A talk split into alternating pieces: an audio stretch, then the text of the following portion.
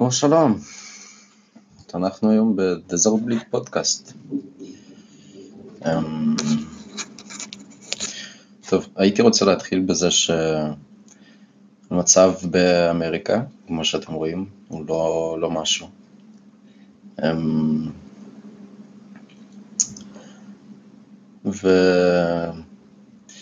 ודונלד טראמפ הוא מסכן בסופו של דבר בכל מה שקרה שם. כי לא משנה איך הוא יפעל, תמיד יצא אשם. אמ, הקטע הוא עם, אה, איך קוראים לו, ג'ורג' פלויד, שנחנק על ידי שוטר ועכשיו Black Lives Matter והכל. אני חושב שתמיד היה Black Lives Matter, ושב-2020 ה-equality שווה. אה, חוץ מזה שזה הפודקאסט השני בנושא גזענות, גזע ו... וזה, שאני לא, לא אוהב את זה. אבל אה,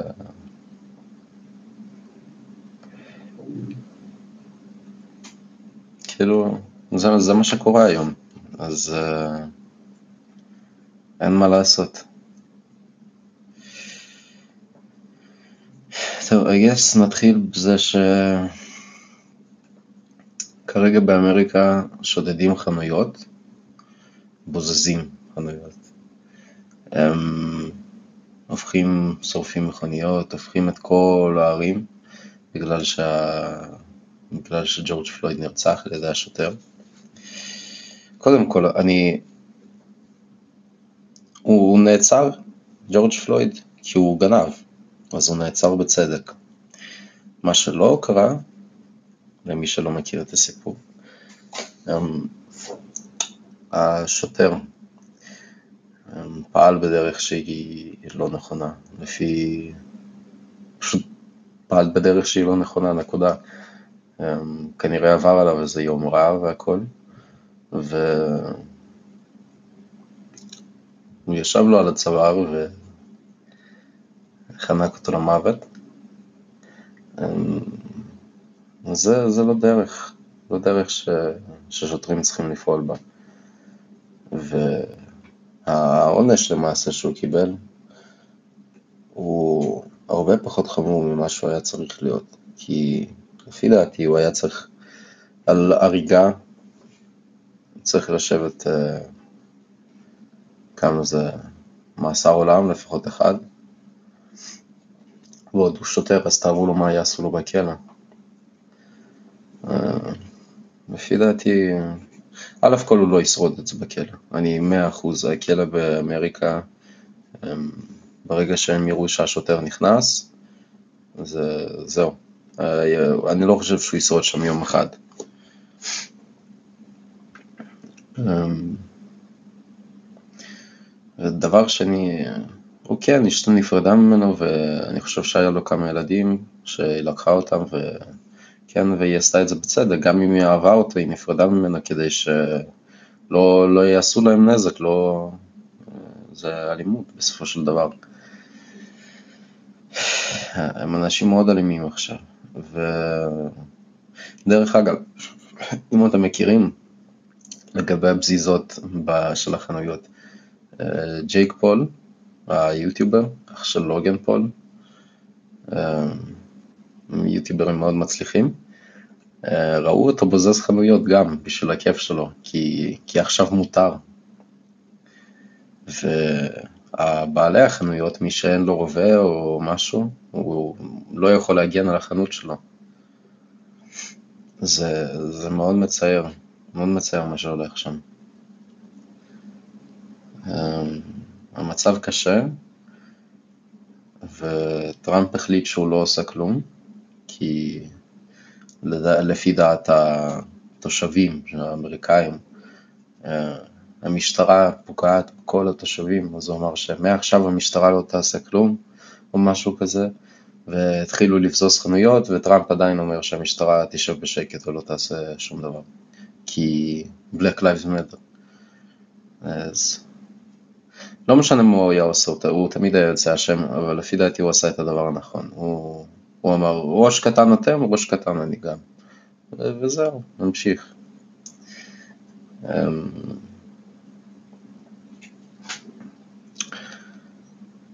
בקיצור, אה, אני באמת חושב, גם החוקים באמריקה לגבי, לגבי כל זה, אני... החוקים באמריקה בכלל, הם חוקים כאילו שתורמים והם די, די בסדר, כאילו, הם אפילו יותר קשים מבארץ. הקטע הוא שכל פעם אה, יש את היוצא מן הכלל, את המקרה ששוטר הורג, אה, הורג קרימינל, אה, אבל הקרימינל היה שחור. תחשבו שאם הקרימינל לא היה שחור, אז זה לא היה כל הסיפור הזה, אם הגנב היה לבן. ורק בגלל שהוא שחור, אנשים חושבים שאו אין, אין שוויון ושחורים עדיין נחשבים רעים, או עדיין נחשבים עבדים או נחותים, אני לא יודע מה, מה, מה הולך שם. שחורים לא נחשבים נחותים, שחורים ולבנים וכל בני אדם נחשבים אותו דבר, בעיקר ב-2020. כשיש לך גבר שמחליט שהוא אישה ואישה מחליטה שהוא גבר ואין שום בעיה עם זה וכולם, כאילו, כולם עומדים על אותו קו. אני לא, לא, רואה, לא רואה שום הבדל. אנחנו לא ב-1960, לא ב-70, לא ב-80 ולא ב-90, אנחנו ב-2000, בגאד-דם 2000. אז uh, uh, כל הדעות הקדומות האלה על, על גבי רייס והכל, גזענות, אני, אני באמת חושב ש... שזה לא נכון בימינו. Uh, אולי קשה לשמוע מה שאני אומר לחלק, ולחלק אולי לא, אולי פחות. אמ, אבל אני באמת חושב שכל מי שמרגיש שהוא איכשהו נחות, אוקיי? שיקח רגע ויסתכל מהצד השני. אולי הוא לא נחות אלא הוא עשה משהו לא בסדר, ואם באמת אומרים שהוא נחות, אז הבן אדם שאומר את זה הוא ליטרלי, אני לא יודע, הוא, הוא מפגר, כי כל בני אדם אותו דבר, גם אני בן אדם, גם אתה בן אדם וכולנו בני אדם. ו... וזהו, זה כל מה שאני מתכוון לומר על זה. אמ, אל תיפגעו ואל תיקחו ללב כאשר בני אדם מפגרים. זה הכל. אמ, עכשיו, בעניין יותר מעניין, שמעתי שאפל בעקבות הבזיזות והכל, אז כל האייפונים שנגנבו, ויש להם איזה ID או משהו וזה, ואפל יכולים לסגור אותם פשוט שלא יעבדו. אז, אז הנה דרך אחת להתמודד עם זה, לחברה גדולה. כמובן היא מאבדת הרבה מכשירים, אבל המכשירים האלה לא ישמשו לשום דבר. ככה שזה לוז-לוז. אז זה נחמד. הם... כן, אה,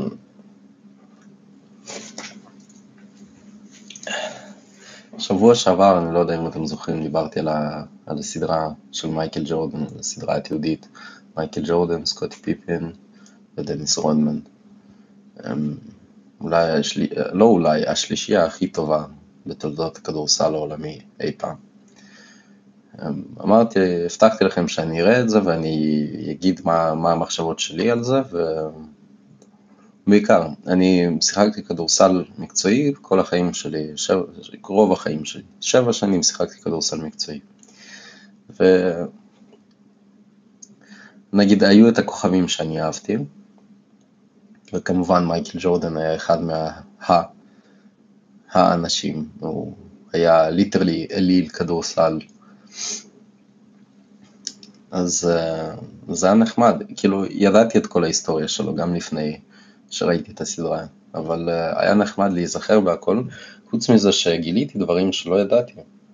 אה, למשל, אני לא יודע אם אתם יודעים, סקוט, סקוטי פיפין, היה, היה לו בעיות עם ההנהלה. אני יודע שהיה להם כל הזמן בעיות עם ההנהלה ועם, ועם המנהל שלהם, של הקבוצה, אבל סקוטי ויפין היה השחקן, אני, אני, אני חשבתי שהוא שחקן שכאילו שילמו לו מספיק והכל, ו- ושילמו הרבה, אוקיי? 80 מיליון, 80 מיליון זה לא קצת לעונה, כמובן, אבל, ו-80 מיליון דולר, לא שקל.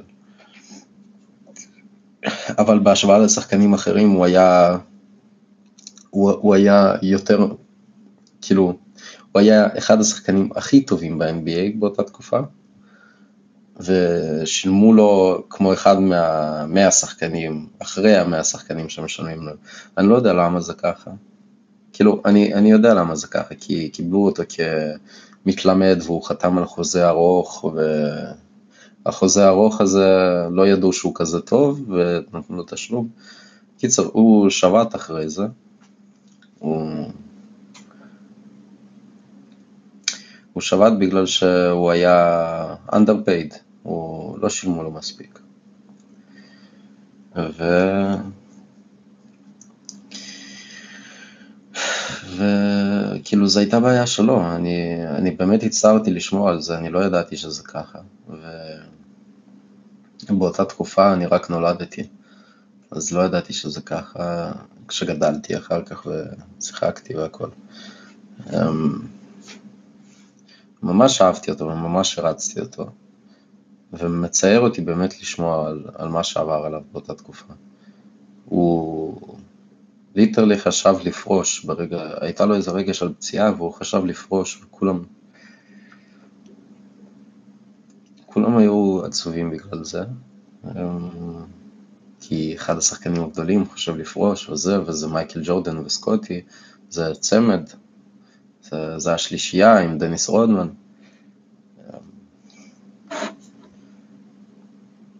זה, זה ממש צייר אותי לשמוע על ההנהלה שם שהלכה בבולס בשיקגו. אמ, בעיקר שהם לא יכלו לחופף כמה מהדברים וזה, כי בכל מקרה הוא שחקן גדול, הם יכלו לעשות משהו.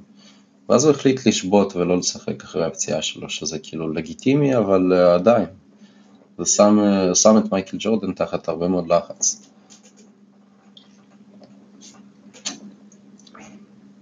אני זוכר, ראיתי אלף פעם את המשחק הזכייה שלו, הראשונה. ו... והתמונה הזאת שחוזרת פעם אחרי פעם, אותו ואת אבא שלו, אני חושב, מחבק את הגביע עם, ה... עם הכובע הירוק הזה. זה כל הזמן מופיע לי בראש כשאומרים מייקל ג'ורדן. אמ, כי זה בעצם נקודת ההתחלה של, אפשר לומר, אה, אליל כדורסל אמיתי. היה את מג'יק ג'ונסון והיה, ואחר כך גם הצטרף שקיל אוניל, אבל דור אחרי דור, כאילו כמה שחקנים שלא התחלפו ושחקנים גדולים. אה, קובי בריאנט גם שיחק איתו, זיכרונו לברכה. אמ, שחקנים מאוד גדולים, אבל אף אחד, אף אחד, בשום גיל, מייקל ג'ורדן היה בן 30, היה בן 20, בשום גיל, בשום גיל לא הצליחו לנצח אותו. אה, אני, כאילו, הבן אדם, תבינו, באימונים הוא, הוא, הוא היה חיה, הוא כאילו התאמן בשביל להשיג את הניצחון. אם אתה, לא, אם אתה בקבוצה שלו ואתה לא מתאמן מספיק טוב, הוא היה יכול לצעוק, וכן, הוא, הוא היה צועק, אבל הוא היה צועק בשביל שתנצח, הוא היה עושה את זה בשבילך, הוא היה צועק והוא היה מקלל, ואמרו שהוא פעם אחת גם רב מכות עם סטיב קר. אמ,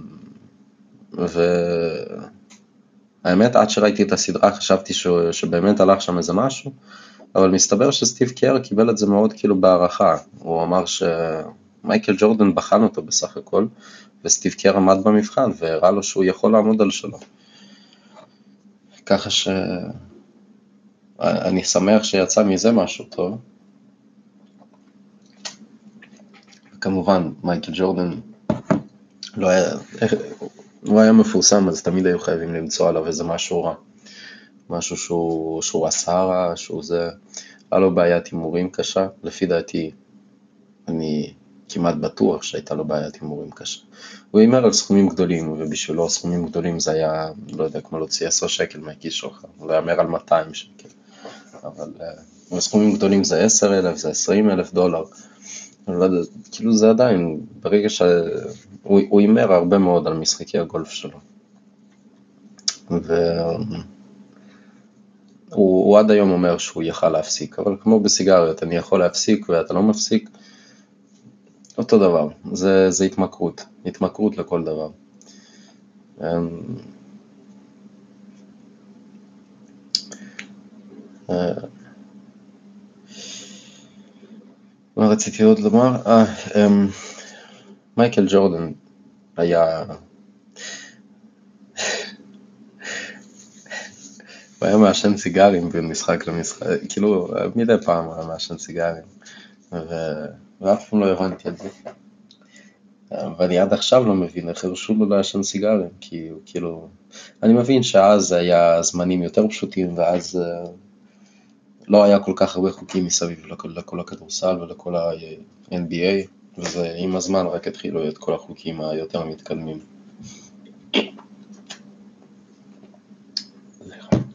אבל עדיין, אה, אני לא מאמין שהמאמן שלו נתן לו, שפיל ג'קסון, פיל ג'קסון היה מאמן מאוד נחמד, אבל אני לא מאמין שהוא, שהוא יכל לתת לו לעשן. אמ, בכל מקרה, אה, אם כבר פיל ג'קסון, אז בוא נדבר על פיל ג'קסון. אמ, אחד המאמנים הטובים ביותר ב-NBA. הוא בעצם, אה,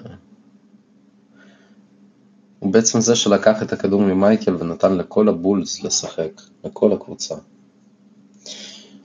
הוא, המאמן הקודם, אני לא זוכר איך קוראים לו, המאמן הקודם היה אומר, לא משנה מה תעשו, בכל מצב, בכל מצב תמסרו את הכדור למייקל והוא יקלע.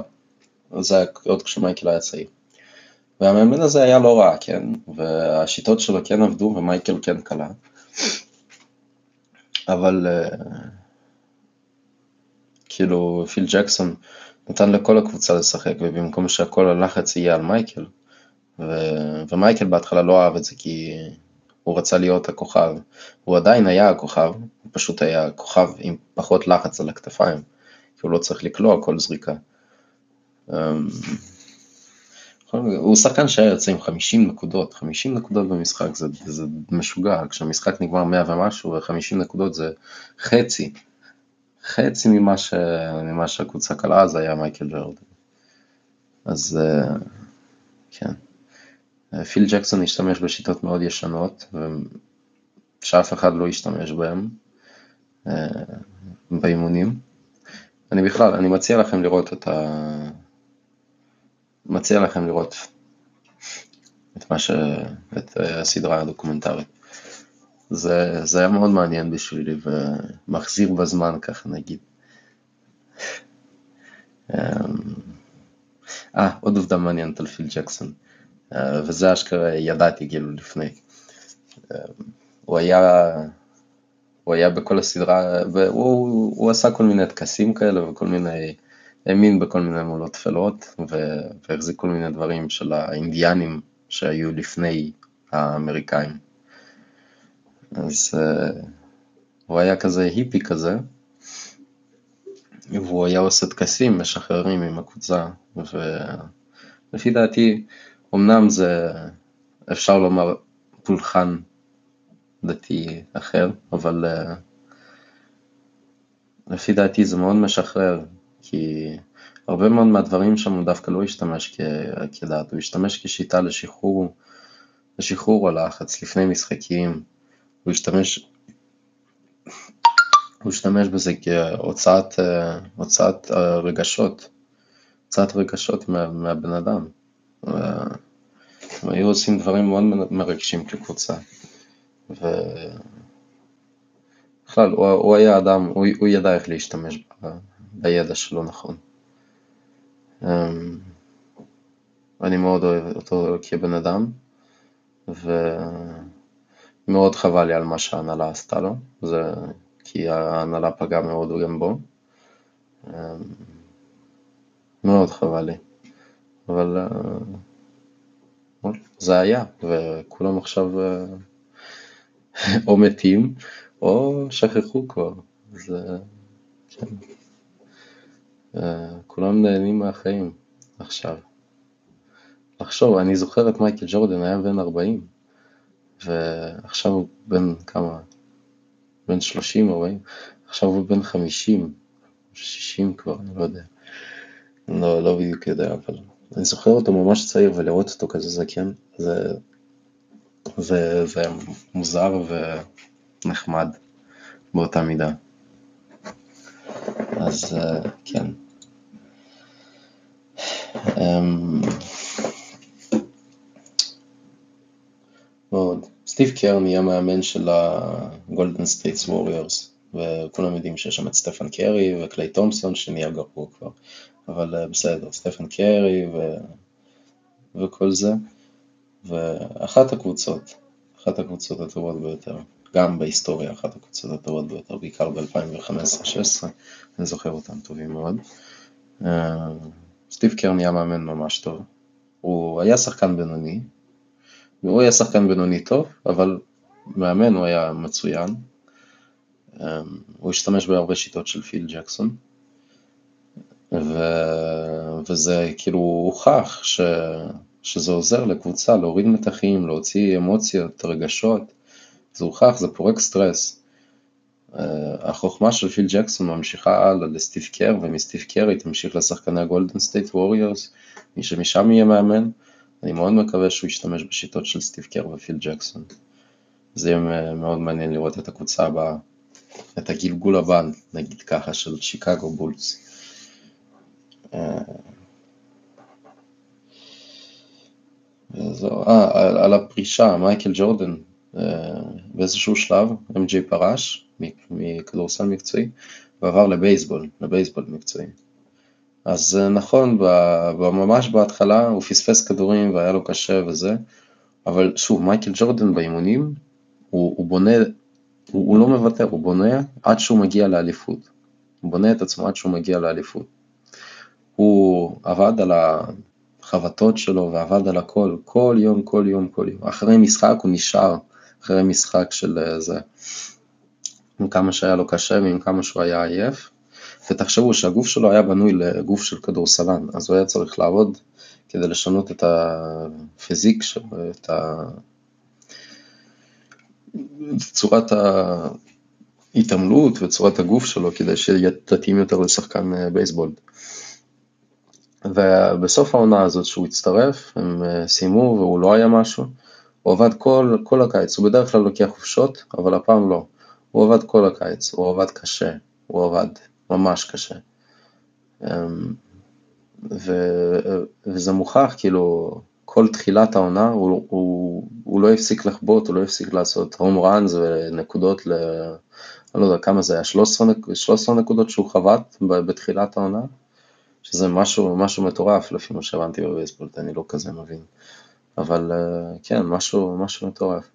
ואחר כך כבר הבינו שהוא, שהוא נהיה שחקן קצת יותר טוב ויותר מקצועי, אז התחילו גם להכשיל אותו שם. כי כל הזמן, כל הזמן בכדורסל היום מחפשים את מייקל ג'ורדן ואיך שאפשר לשמור עליו. ואז כשהבינו שהוא שחקן מרכזי גם בבייסבול, אז התחילו, אז הזורק היה מנסה להכשיל אותו לפי מה שהבנתי. ומייקל ג'ורדן עוד לא היה מוכן לזה, והוא התחיל לפספס הרבה, ונגמרה העונה, ויום אחד הוא בא בא, בא לחדר של הבולס, בא לראות משחק, הוא בלי לתכנן, בלי לומר כלום, הוא לא תכנן לחזור בהתחלה. אבל אז הוא בא לאימון אחד של הבולס. סתם ככה, כי קראו לו, אמרו לו בוא, יהיה כיף, זה נוסטלגיה והכל. אז הוא אמר אוקיי, אני אבוא. בא לאימון אחד, בא לאימון שני, בא לאימון שלישי, שבוע הוא מתאמן עם הבולס. והוא כאילו, אנשים שמו לב פה שהוא, שהוא מתחיל להתאהב בחזרה בכדורסל ובכדור. ו... וככה בעצם התחילה החזרה שלו. ושוב, הוא כבר היה עם גוף של אה, אה, חובט, בייסבול. אז uh, הוא היה צריך שוב פעם לעבוד על זה, לשנות את הגוף שלו לכדורסלן. הגוף שלו יותר גדול, יותר שרירים בידיים, פחות שרירים ב... זה. אז uh, הוא, הוא בן אדם שעבד קשה ב, ב, בשביל להגיע למטרה שלו. הוא לא, לא ויתר לעצמו ולא ויתר לחברי הקבוצה שלו. Um, אה, והדבר האחרון שרציתי לדבר עליו, דניס רודמן. דניס רודמן, כל ה... אני זוכר אותו כשהייתי קטן, השחקן עם הקשקושים על הראש. כי הוא כל פעם היה צובע את הראש בצורה אחרת.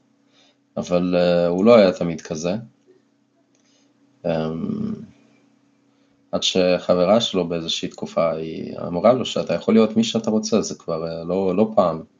ת, ת, תרגיש חופשי, תהיה מי שאתה רוצה. והוא ניסה פעם אחת, צבע את הראש ככה, וצבע את הראש ככה, וצבע את הראש ככה, והוא הבין שהוא יכול להיות מי שבא לו בחיים האלה. יש לו כסף, יש לו זה, בן אדם חופשי, וזה ממש שחרר אותו. מה שכן, הוא היה מפספס אימונים, זה, זה מאוד חבל לי לשמוע, הוא, הוא היה מפספס אימונים uh, בשביל ליהנות, בשביל לטייל בברים, בשביל uh, ללכת למועדונים. Uh, זה, זה מאוד הפריע לי לגביו, זה אני זוכר עד היום. מה שכן, הוא, כשהוא היה עולה למגרש, כשהוא היה עולה, הוא, הוא נתן תמיד 100%, הוא אף פעם לא נתן פחות מ-100%. גם אם הוא היה שיכור וגם אם הוא היה עם הנגובר, הוא אף פעם לא נתן פחות מ-100%. אמ, שחקן, שחקן שהקדיש את עצמו על המגרש, הוא הקדיש את עצמו רק לשיקגו ורק לבולס, אמ, ולמייקל ולסקוטי, ופיל ג'קסון המאמן. אז ופיל ג'קסון נתן לו הרבה, הרבה חופשיות, כאילו ידע שדניס רודמן צריך, אה, צריך את הימים האלה להשתחרר. וכשבאו לראיין את פיל ג'קסון אז הוא, אז הוא כאילו היה ברגל שלו, הוא כזה כן, הוא לא בא לאימון היום, אז אז הוא כזה, אתה לא מפחד שתפסיד בגללו? ואז הוא כזה, אני לא יודע, נראה מה יהיה. ואז דניס רודמן עולה למגרש, נותן 100%, הם מנצחים, הוא עם איזה 10-15 ריבאונדים לפחות, ו... וכאילו, הנה, אתם רואים, לא קרה כלום, זה שהוא יצא לטייל ולהשתחרר קצת, זה, זה הכל טוב. אז זה שחקן שגם, לדעתי, נתן את כל הנשמה שלו על המגרש, את כל הנשמה שלו, אה, לשיגאגו ולבולס. אה, וזהו, זה, זה כל מה שיש להיום. אמ, אני מאמין ש... שנהנתם, ואם לא, אז... אה, אם לא הייתי כזה מעניין, אז לפחות אותי זה עניין, נגיד ככה. אמ, וזהו, זה פודקאסטים קצרים כרגע, כי קורונה והכל. אבל uh, אנחנו מצפים לאורחים, לאורחים נוספים. Uh, יבואו אלינו כמה יוטיוברים ישראלים.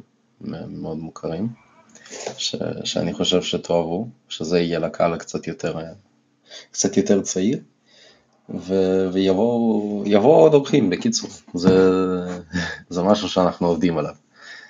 אז uh, תודה שצפיתם דזר בליט פודקאסט, שצפיתם, שהקשבתם לדזר בליט פודקאסט. הם מקווים, מקווים שנהנתם, ותודה לכם מכל ה... מכל הצוות של דזר בליץ. אה, שבת שלום ולהתראות.